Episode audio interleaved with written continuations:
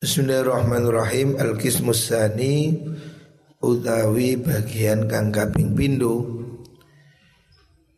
uh, Iku ta'arudul alamat Perlawanane piro-piro tetengger tondo.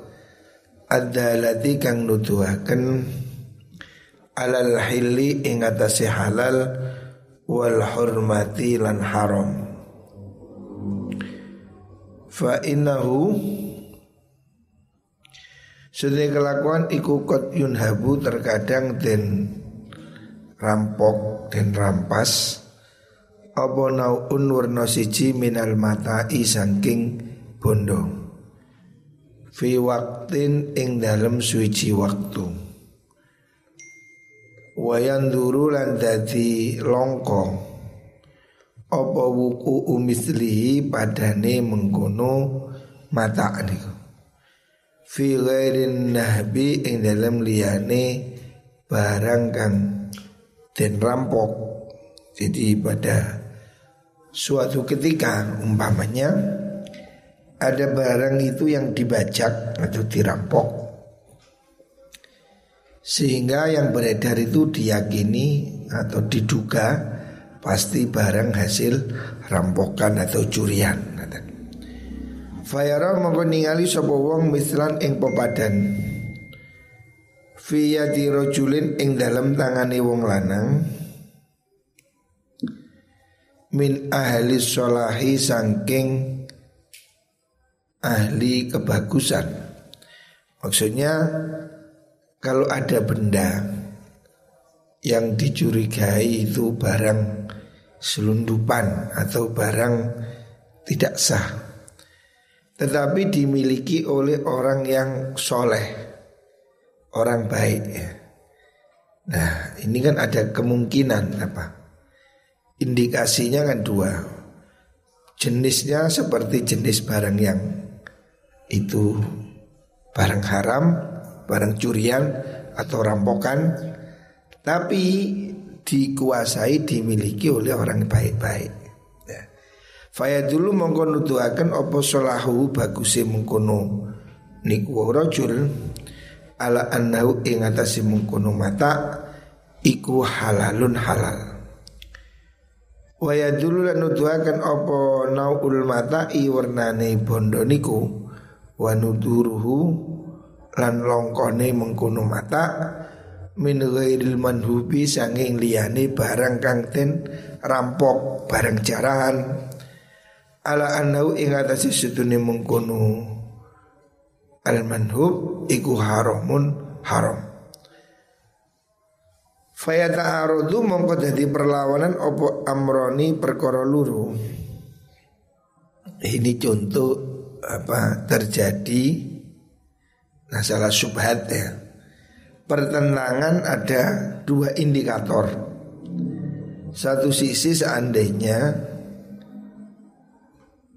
ada barang itu barang jarahan, barang rampasan atau barang yang diduga haram lah. Karena itu indikasinya seperti ini atau orang mengetahui ini indikasi barang itu barang yang tidak sah atau yang haram.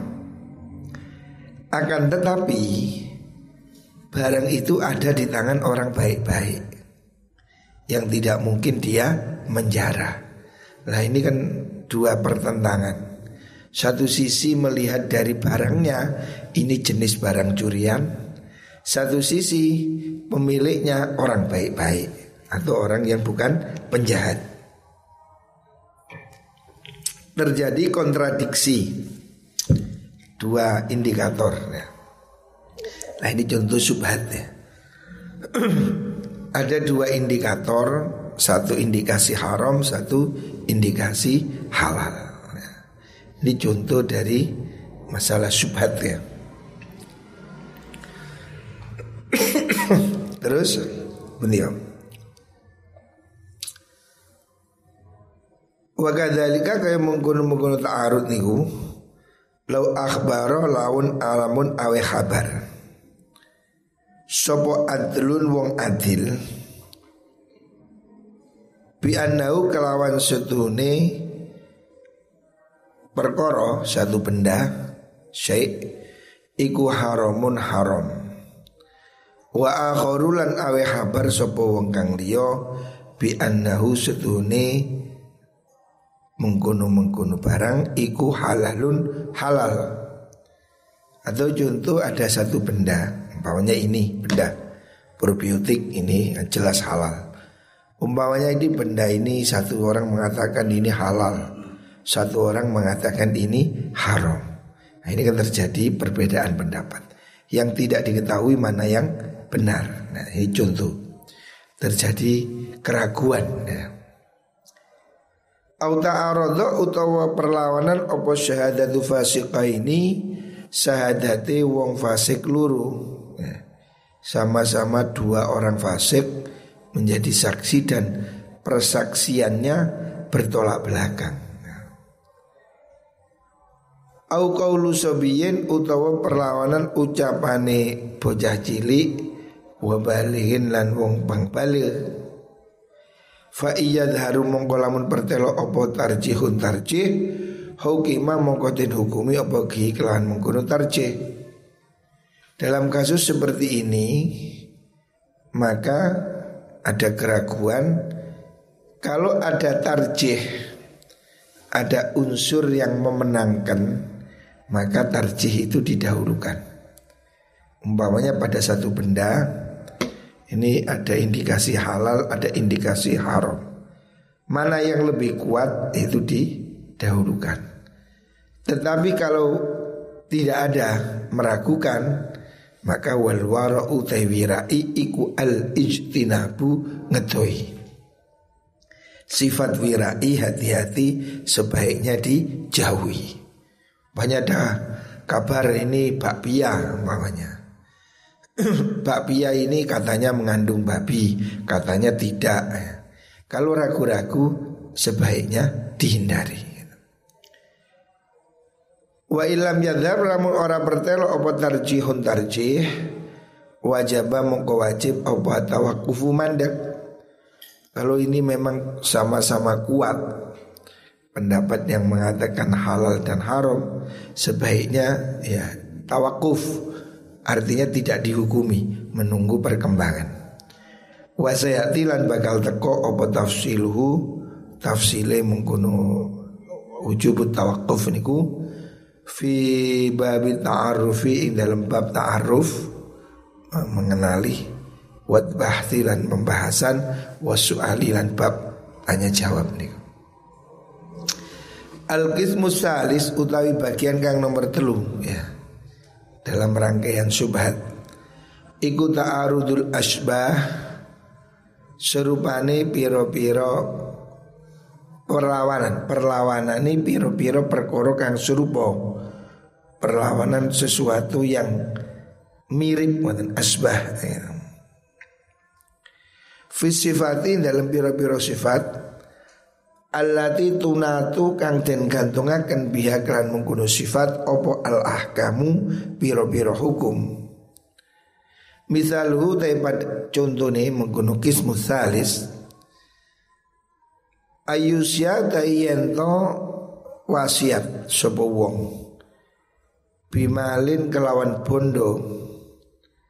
Wasiat lil fuqahai maring piro-piro ahli fikih. Fayulamu mongko den wurwi opo annal fadila setune wong kang luwih utama fil fikih ing dalam ilmu fikih iku dakhilun mlebu fihi ing dalam mengkono wasiat niku. Wa annal ladzi setune wong ibtada'a kang ngawiti sapa man at-ta'alluma ing belajar min yaumin saking sedina au syahrin utawa sewulan iku layat khulu ora mlebu sapa mengkono mubtadi fi ing dalem mengkono wasiat niku bil mal niku wa bainahuma lan iku ing dalem antarane fadil lan mubtadi. Darujatun tai piro-piro derajat. Ada berapa tingkatan? La tuhso kang ora kena den itung apa derajat. Ya kau kang temui bo opa syaku kemamangan fiha ing dalam mengkuno uh, darajat niku. Fal mufti mongko utai wong kang aweh fatwa iku yufti ya kena awe fatwa sapa mufti fiha ing dalem kono masalah tahayyuron. Nggih. Hak napa hak niki ha hak napa hak? Fal mufti mongko utawi wong kang awe fatwa iku yufti napa Oh nggih bihasa bidzanni ya. Yufti ay fatwa sapa mengkono mengkono mufti bihasa bidzanni kelawan milang-milang penyono wal mar'u sifat wirai iku al ijtinabu ngedoi. Umpamanya di sini Imam Ghazali mencontohkan kalau ada orang wakaf wasiat wasiat memberi harta kepada orang fukoha Umpamanya dia wasiat memberi sejumlah uang diberikan pada fukoha. Fukoha itu kan ahli fikih. Terus namanya ahli fikih ini kan macam-macam. Ada yang betul-betul ahli, ada yang kelas alim, sedang, menengah, bawah, atau orang yang baru belajar ilmu fikih. Yang pinter, yang ahli jelas masuk dapat bagian. Tapi yang baru belajar, belum pinter, belum disebut fukoha, tidak boleh dapat bagian. Lah, dalam kasus seperti ini, seorang mufti dia boleh memberi fatwa ya sesuai dugaan. Dia menduga oh ini alim fikih dikasih, ini bodoh gak dikasih seperti itu. Sesuai dugaannya.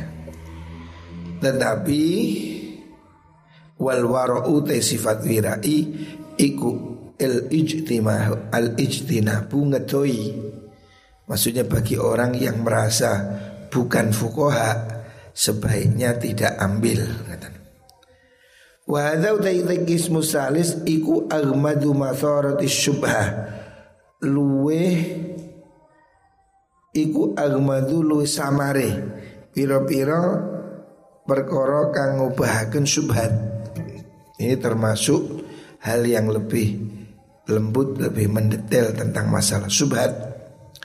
Fa inna fiha sedune iku ing dalem mengkono masarati subhat suaron ono piro-piro rupa ada beberapa contoh ya tahayyaru kang bingung.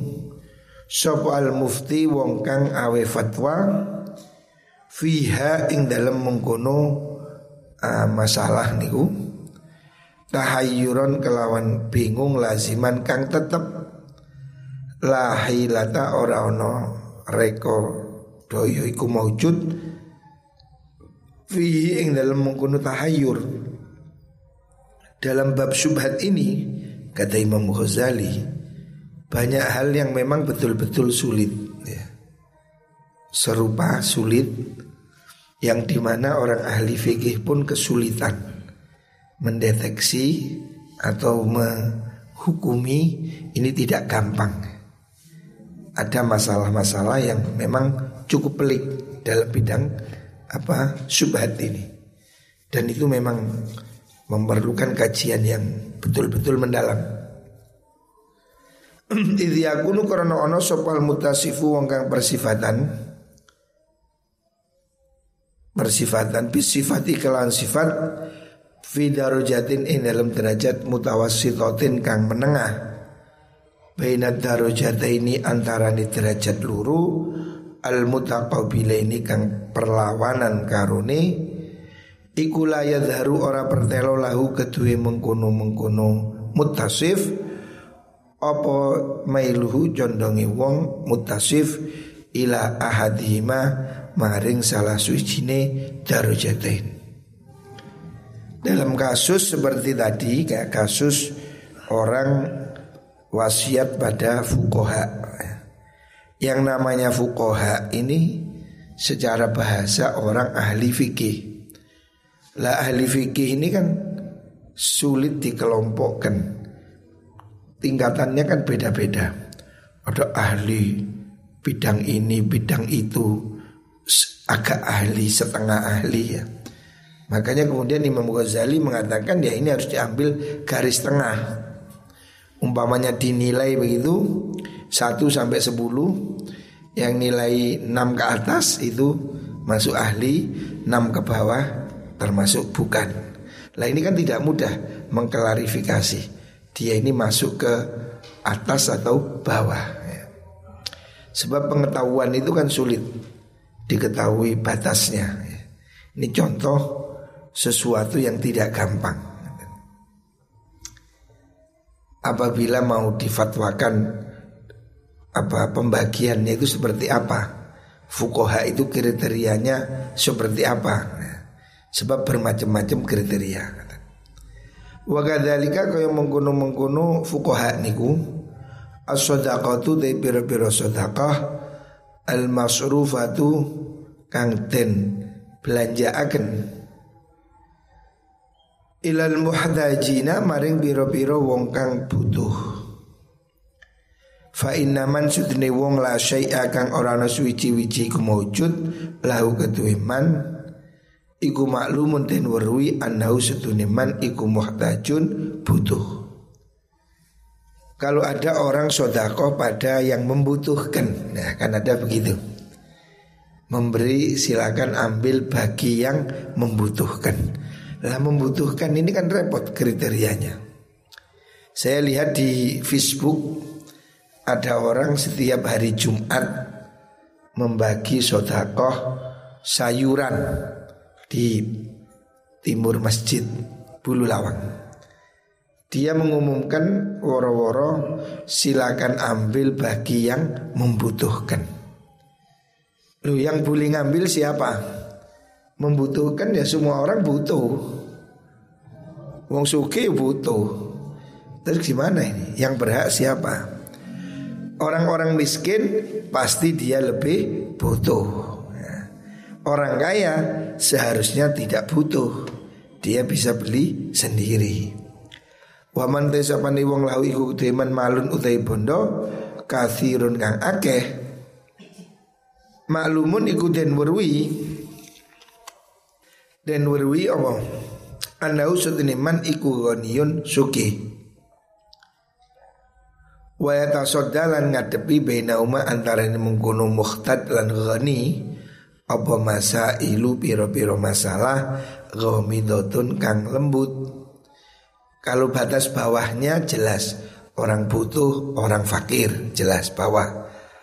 Yang tidak butuh, orang kaya. Ini kan batas atas dengan batas bawah. Lah di tengah-tengahnya ini kan banyak irisan. Agak butuh, sedikit butuh, butuh nemen. Nah ini kan ada irisan level yang banyak Kaman kaya wong lahu kang iku kedue man darun utawi omah. Wa asasun lan perabot. Wa siyabun lan pakaian. Wa kutubun lan piro-piro kitab. Fa inna qadrul hajati setuni kiro-kiro kebutuhan. Minhu sangking mengkunuman. Iku layam nau orang nyegah opo qadrul hajat minas surfi sangking belanja akan maring akan ilahi maring mengkunu man ada orang yang punya rumah ya punya perabotan ya punya tapi dia itu posisinya butuh ya ada orang yang tidak butuh. Nah ini kan melihat kasus ke kasus. Tidak bisa digeneralisir punya rumah, punya rumah berarti kaya. Belum tentu. Ada orang punya rumah tapi miskin karena rumahnya itu apa? diberi atau rumah itu warisan ya. Tidak semua orang bisa digeneralisir miskin dan kaya hanya dari rumahnya atau perabotannya. Pasti berbeda-beda Setiap orang beda masalah Wal fadhilu utai wong kang luwe Luwe sangking kebutuhan Iku yumna'u den cegah sopo fadil Wal hajatu utai hajat Definisi hajat yang disebut Iku laisat orang nopo hajat Iku mahdudatan bisa den batasi kata-kata membutuhkan itu kan sulit dibatasi sebagaimana. Wa inna matudroku angin bistine den temu apa mengkono mengkono hajat niku bitakribi kelawan markakan dengan perkiraan aja wa ta'addalan dadi brentek minhu sanging mengkono takrib apa nazru ningali fi miqdari saati dari. Ing dalam kira-kira ombone omah. Wa amniyati halan piro-piro bangunane dar. Orang punya rumah belum tentu kaya karena rumahnya ada rumah sederhana, ada rumah layak, ada tidak layak. Wa miqdaru qimatiha lan oh fi mikdari saat dar wa mikdari qimatiha lan kira-kira regane mengkono dar likauniha krana anane mengkono dar iku fi wasatil baladi ing dalam tengah negara utawa kota ya. Beda-beda orang punya rumah kan harganya tidak sama. Melihat posisinya ya. Terus begini fi wasatil baladi pundi wa wukuil iktifai lan cukupe lan ngalap cukup. Bidarin kelawan omah siji tunahakan saandape mengkono dar. Wa kadzalika lan kaya mengkono mikdar dar fi nau'i asasil baiti ing dalem wernane perabote omah. Ida kana nalikane ono opo mengkono asasul bait? Iza kana nalikane ono opo asasul bait? Iku minas sofri sangking kuningan logam la minal khozafi ora sangking krewek tanah liat maksudnya.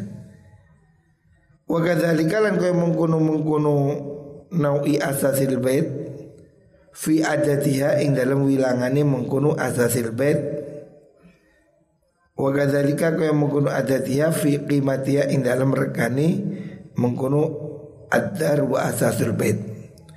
Wa kadzalika kaya mengkono qimah fima ing dalam perkara la yuhtaju kang ora den butuhaken apa ilaihima kulla yaumin ing dalam saben-saben dina. Wa malan perkara yuhtaju kang den butuhaken apa ilaihi maring ma fi kulli sanatin ing dalam saben-saben tahun.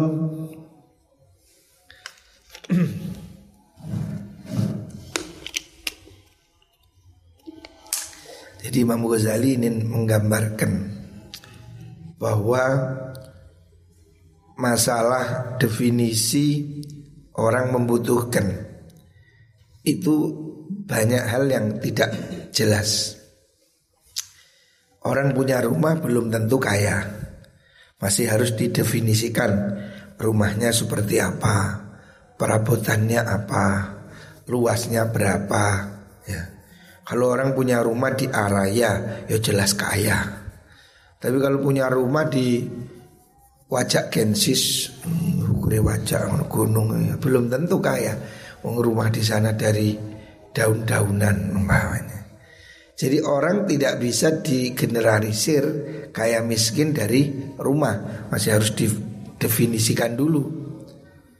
Kalau digeneralisir orang kaya berarti orang rumah punya rumah kaya. Maka banyak orang yang punya rumah tapi belum kaya. Makanya ini menurut Imam Ghazali harus ditinjau. Seandainya ada orang bersodakoh Diumumkan saya sodakoh untuk orang yang butuhkan Maka ya seperti apa orang membutuhkan itu perlu didefinisikan dulu Bagi yang betul-betul tidak mampu jelas masuk. Tapi bagi yang kaya jelas tidak masuk. Lah yang sedengan dia ragu-ragu termasuk kaya atau tidak, termasuk butuh atau tidak. Maka ini berarti subhat dikembalikan pada hati nurani. Wasain bunyi wong wasain lan suwi-wici min dalika sanging mengkono alat syita nih. Min alat syita nyatane sanging alat waktu adem wamalan perkara layuh taju kang ora den butuh ya poma ilahi maring mengkono ma illa fi sinina angin ing dalem piro-piro taun wa syai'in lan suwi-suwi min dzalika sangi mengkono alat isyita la hatta kang ora no batas iku lahu maring mengkono uh, zalik niku. Wal wajhu tai wajah wajah maksudnya pendapat yang benar fi hadza ing dalam ikilah ikilah misal niku contoh dalam masalah muhtaj ini Iku ma perkara kala kang dawuh ing ma sapa Rasulullah sallallahu alaihi wasallam Ta ma yuribuka ila ma la yuribuka. Tak tinggal sira ma ing perkara yuribuka kang mamangaken apa maka ing sira. Ilama maring perkara la yuribuka kang ora mamangaken apa maka ing sira. Artinya kalau kamu memang ragu-ragu dalam satu masalah seperti contoh di atas itu dua contoh masalah fukoha sama masalah muhtaj tadi kembalikan pada hati nurani. Kalau kamu ragu-ragu kamu termasuk berhak apa tidak maka ya jangan ambil ambillah yang kamu yakin. Wa kullu dzalika taskabihane mengkono-mengkono misal iku fi mahallir raibi ing dalem panggonan keraguan. Wa in tawaqqafa lan lamun ngandek maksudnya kalau memang tidak diputuskan sapa al mufti ungkang ai fatwa kalau mufti tidak berani memutuskan yo fala wajha mungkora ono dalan iku mujud illa tawakkufi angin mandek ya berarti tidak boleh dibagikan kalau mufti mengatakan masih belum boleh karena definisinya belum tampak. Wa in aftalan namun fatwa sopal mufti wong kang awe fatwa bidonin kelawan nyono wa tahminin lan ngiro-ngiro fal wara'u mongko te wirai iku tawakkufu mandek. Maksudnya tidak ikut-ikutan. Wa wa te mengkono wara iku ahammu mawaqi'il wara'i luwih pentingi biro-biro nggon tumibane sifat wirai. Jadi kalau ada keraguan ya, dalam dua contoh Imam Ghazali mencontohkan kalau ada orang wasiat memberi harta kepada fukoha. Kata fukoha ini kan umum ahli fikih. Ahli fikih ini tingkatannya berapa? Kan ada ahli fikih ahli betul, agak ahli, setengah ahli, kurang ahli, tidak ahli, kan tingkatannya mau dinilai kan macam-macam. Atau sodakoh untuk orang yang membutuhkan. Yang membutuhkan ini siapa? Kan ada banyak golongan yang di tengah-tengah antara butuh dan tidak butuh. Dalam kasus seperti ini Imam Ghazali menyarankan supaya sebaiknya kalau orang itu ragu tinggalkan. Umpamanya saya mau ngambil atau tidak, ya kamu introspeksi. Oh saya ini bukan termasuk ahli fikih, ya sudah jangan ikut ambil. Oh saya bukan termasuk golongan orang yang butuh, ya jangan ngambil. Atau lebih hati-hati, jangan ikut ambil. Sebab itu hukumnya subhat, meragukan.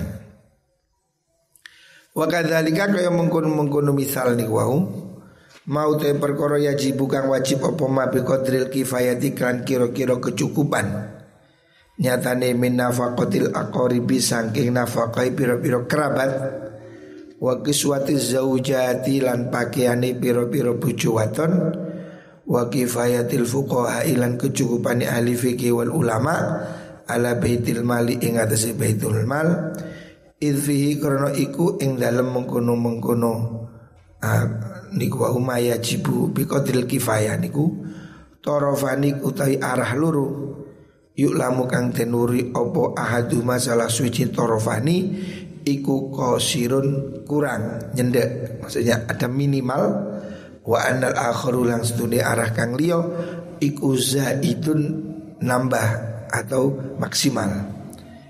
Wa bainahuma lan iku antarane torofan umurun le pira-pira perkara mutasyabihatun kang serupa tahtalifu kang beda apa umur bikhtilafis syahsi kelawan bedane wong suci wal hali lan tingkai wong suci.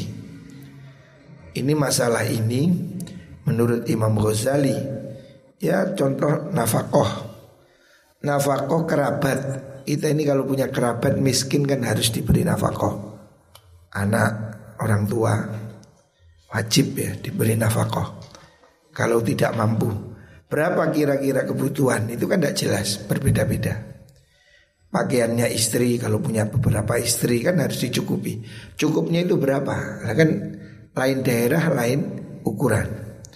Termasuk gaji ahli fikih. Zaman dahulu ulama-ulama ini dibayar oleh negara. Diberi kecukupan supaya mereka tidak kerja. Jadi zaman kekhalifahan guru-guru seperti hari ini dapat bos, dapat gaji. Lah gajinya berapa? Sesuai kebutuhan. Kebutuhan berapa? Ya setiap orang berbeda-beda. Di sini orang harus hati-hati. Kalau itu berlebihan, ya harus dikurangi. Kalau itu kurang, ya minta ditambahi. Lah ukurannya bagaimana? Ini kan tidak ada batas yang pasti. Beda sesuai situasi dan kondisi. Tapi seseorang itu bisa mengukur Umpamanya saya ini digaji, oh kemahalan, kita balik no. Umpamanya. Tapi saya tidak digaji. Saya ini wakil sekjen MUI, Majelis Ulama Indonesia. Majelis Ulama se Indonesia. Oh ya dibayar wayai, tapi enggak enggak, enggak digaji. Saya juga tidak minta. Kalau zaman dahulu itu digaji, ulama-ulama itu digaji oleh negara. Hari ini enggak. Saya wakil ketua PWNU Jawa Timur ya tidak digaji. Memang bukan kerja, itu kan pengabdian.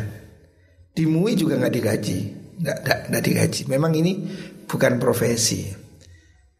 Keulamaan bukan profesi. Kalau zaman dahulu pada zaman kesultanan itu profesi. Sehingga Baitul Mal negara itu memberi anggaran untuk para guru-guru, para kiai-kiai. Zaman dulu begitu. Sehingga kiai-kiai itu tidak perlu repot bekerja Sebab dia dicukupi negara Konon seperti Imam Jalaluddin Abdurrahman As-Suyuti Imam Suyuti ini sangat produktif Mengarang ratusan judul kitab Sampai sekitar 600 jilid Padahal zaman itu belum ada fotokopi, belum ada percetakan, belum ada mesin ketik. Beliau produktif sekali. Kok bisa? Iya, karena ulama-ulama pada zaman dulu di Mesir itu digaji oleh negara. Jadi mereka yang produktif itu tidak perlu kerja. Pemerintah mensupport supaya dia berkarya dan terus berkarya. Makanya ulama-ulama zaman dahulu ini karyanya banyak. Karena mereka sudah tidak perlu kerja. Tapi kalau hari ini Kiai gak nyambut kiai yo garing ngaplu. Kiai hari ini harus kerja. Nah ono gaji kiai ndak ada. Tapi saya lihat mulai ada gaji imam masjid mulai ada. Ada anggaran. Nggak tahu berapa saya. Saya tidak tahu. Pada zaman dahulu seperti itu ya. Zaman ini tidak ada. Ya mungkin satu sisi perlu ya. Sekarang ini orang nggak mau jadi kiai. Saya tanya anak TK, ingin jadi apa? Gak ono sih kepingin jadi kiai. Insinyur, dokter, presiden, pilot, astronot. Sing pingin jadi kiai gak ono. Ya mungkin karena gaji kiai gak jelas. Karena bayaran. Yang bayar Gusti Allah. Tapi kamu jangan takut. Jangan takut jadi kiai memang tidak ada gaji. Kiai bukan PNS. Tapi yakinlah gaji gaji dari Gusti Allah berkah dari Allah untuk orang-orang yang mau mengajar, untuk orang-orang yang mau mengabdi, menyebarkan ilmu pasti ada. Dulu ayah saya almarhum wasiat ya, merintah semua santri harus ngajar. Termasuk saya ini ya dorongan ya, pesan dari almarhum harus ngajar. Bahkan beliau dulu mengatakan mulango meskipun gak dibayar. Ngajar kamu walaupun tidak dibayar. Ini saya amalkan. Alhamdulillah saya ngajar di pondok nggak dibayar dan tidak minta bayaran. Mulai dulu sampai sekarang saya di pondok ini sudah puluhan tahun tidak pernah minta bayaran dan tidak menerima bayaran. Apakah saya jadi miskin? Enggak. Buktinya rezeki saya alhamdulillah. Ya, ini bukti fakta Siapa menolong agama Gusti Allah Pasti ditolong oleh Gusti Allah ya. Kalau kamu berjuang di pondok ini Bantu apa pun Sekecil apa pun Niat ono sing api. Kamu jangan punya niatan yang tidak ikhlas Apa pun yang kita lakukan untuk kebaikan Seperti di pondok ini Lakukan dengan niatan ikhlas. Pasti jangan khawatir bayarannya langsung dari Gusti Allah. Ya buktinya, faktanya ya saya. Alhamdulillah saya ini tidak digaji di pondok Ngajar di pondok ini saya tidak digaji dan tidak minta gaji Selamanya sampai hari ini Apakah saya miskin? Enggak Alhamdulillah rezeki saya lebih banyak dibanding teman-teman saya. saya merasa rezeki saya, masya Allah, dibanding teman sekolah saya, saya merasa Allah memberi jauh lebih besar. Ya ini tahadus bin nikmah. Jangan khawatir kalau kamu menolong agama Allah, kamu pasti ditolong oleh Gusti Allah. Itu pasti. Intan surullah yang surkum. Kalau kamu menolong perjuangan Allah pasti kamu ditolong ya. Jangan khawatir ya. Insya Allah. Makanya semua santri saya harap sing ikhlas. Iso mulang mulang. Gak iso mulang emang ono apa sing iso. Kebersihan, keamanan, ketertiban semua ikut ya. Termasuk bagian masak. Ojo turu-turu ae. Ya niat ono sing apik. Niat kita ikut membantu perjuangan. Muka-muka dibales kali Gusti Allah.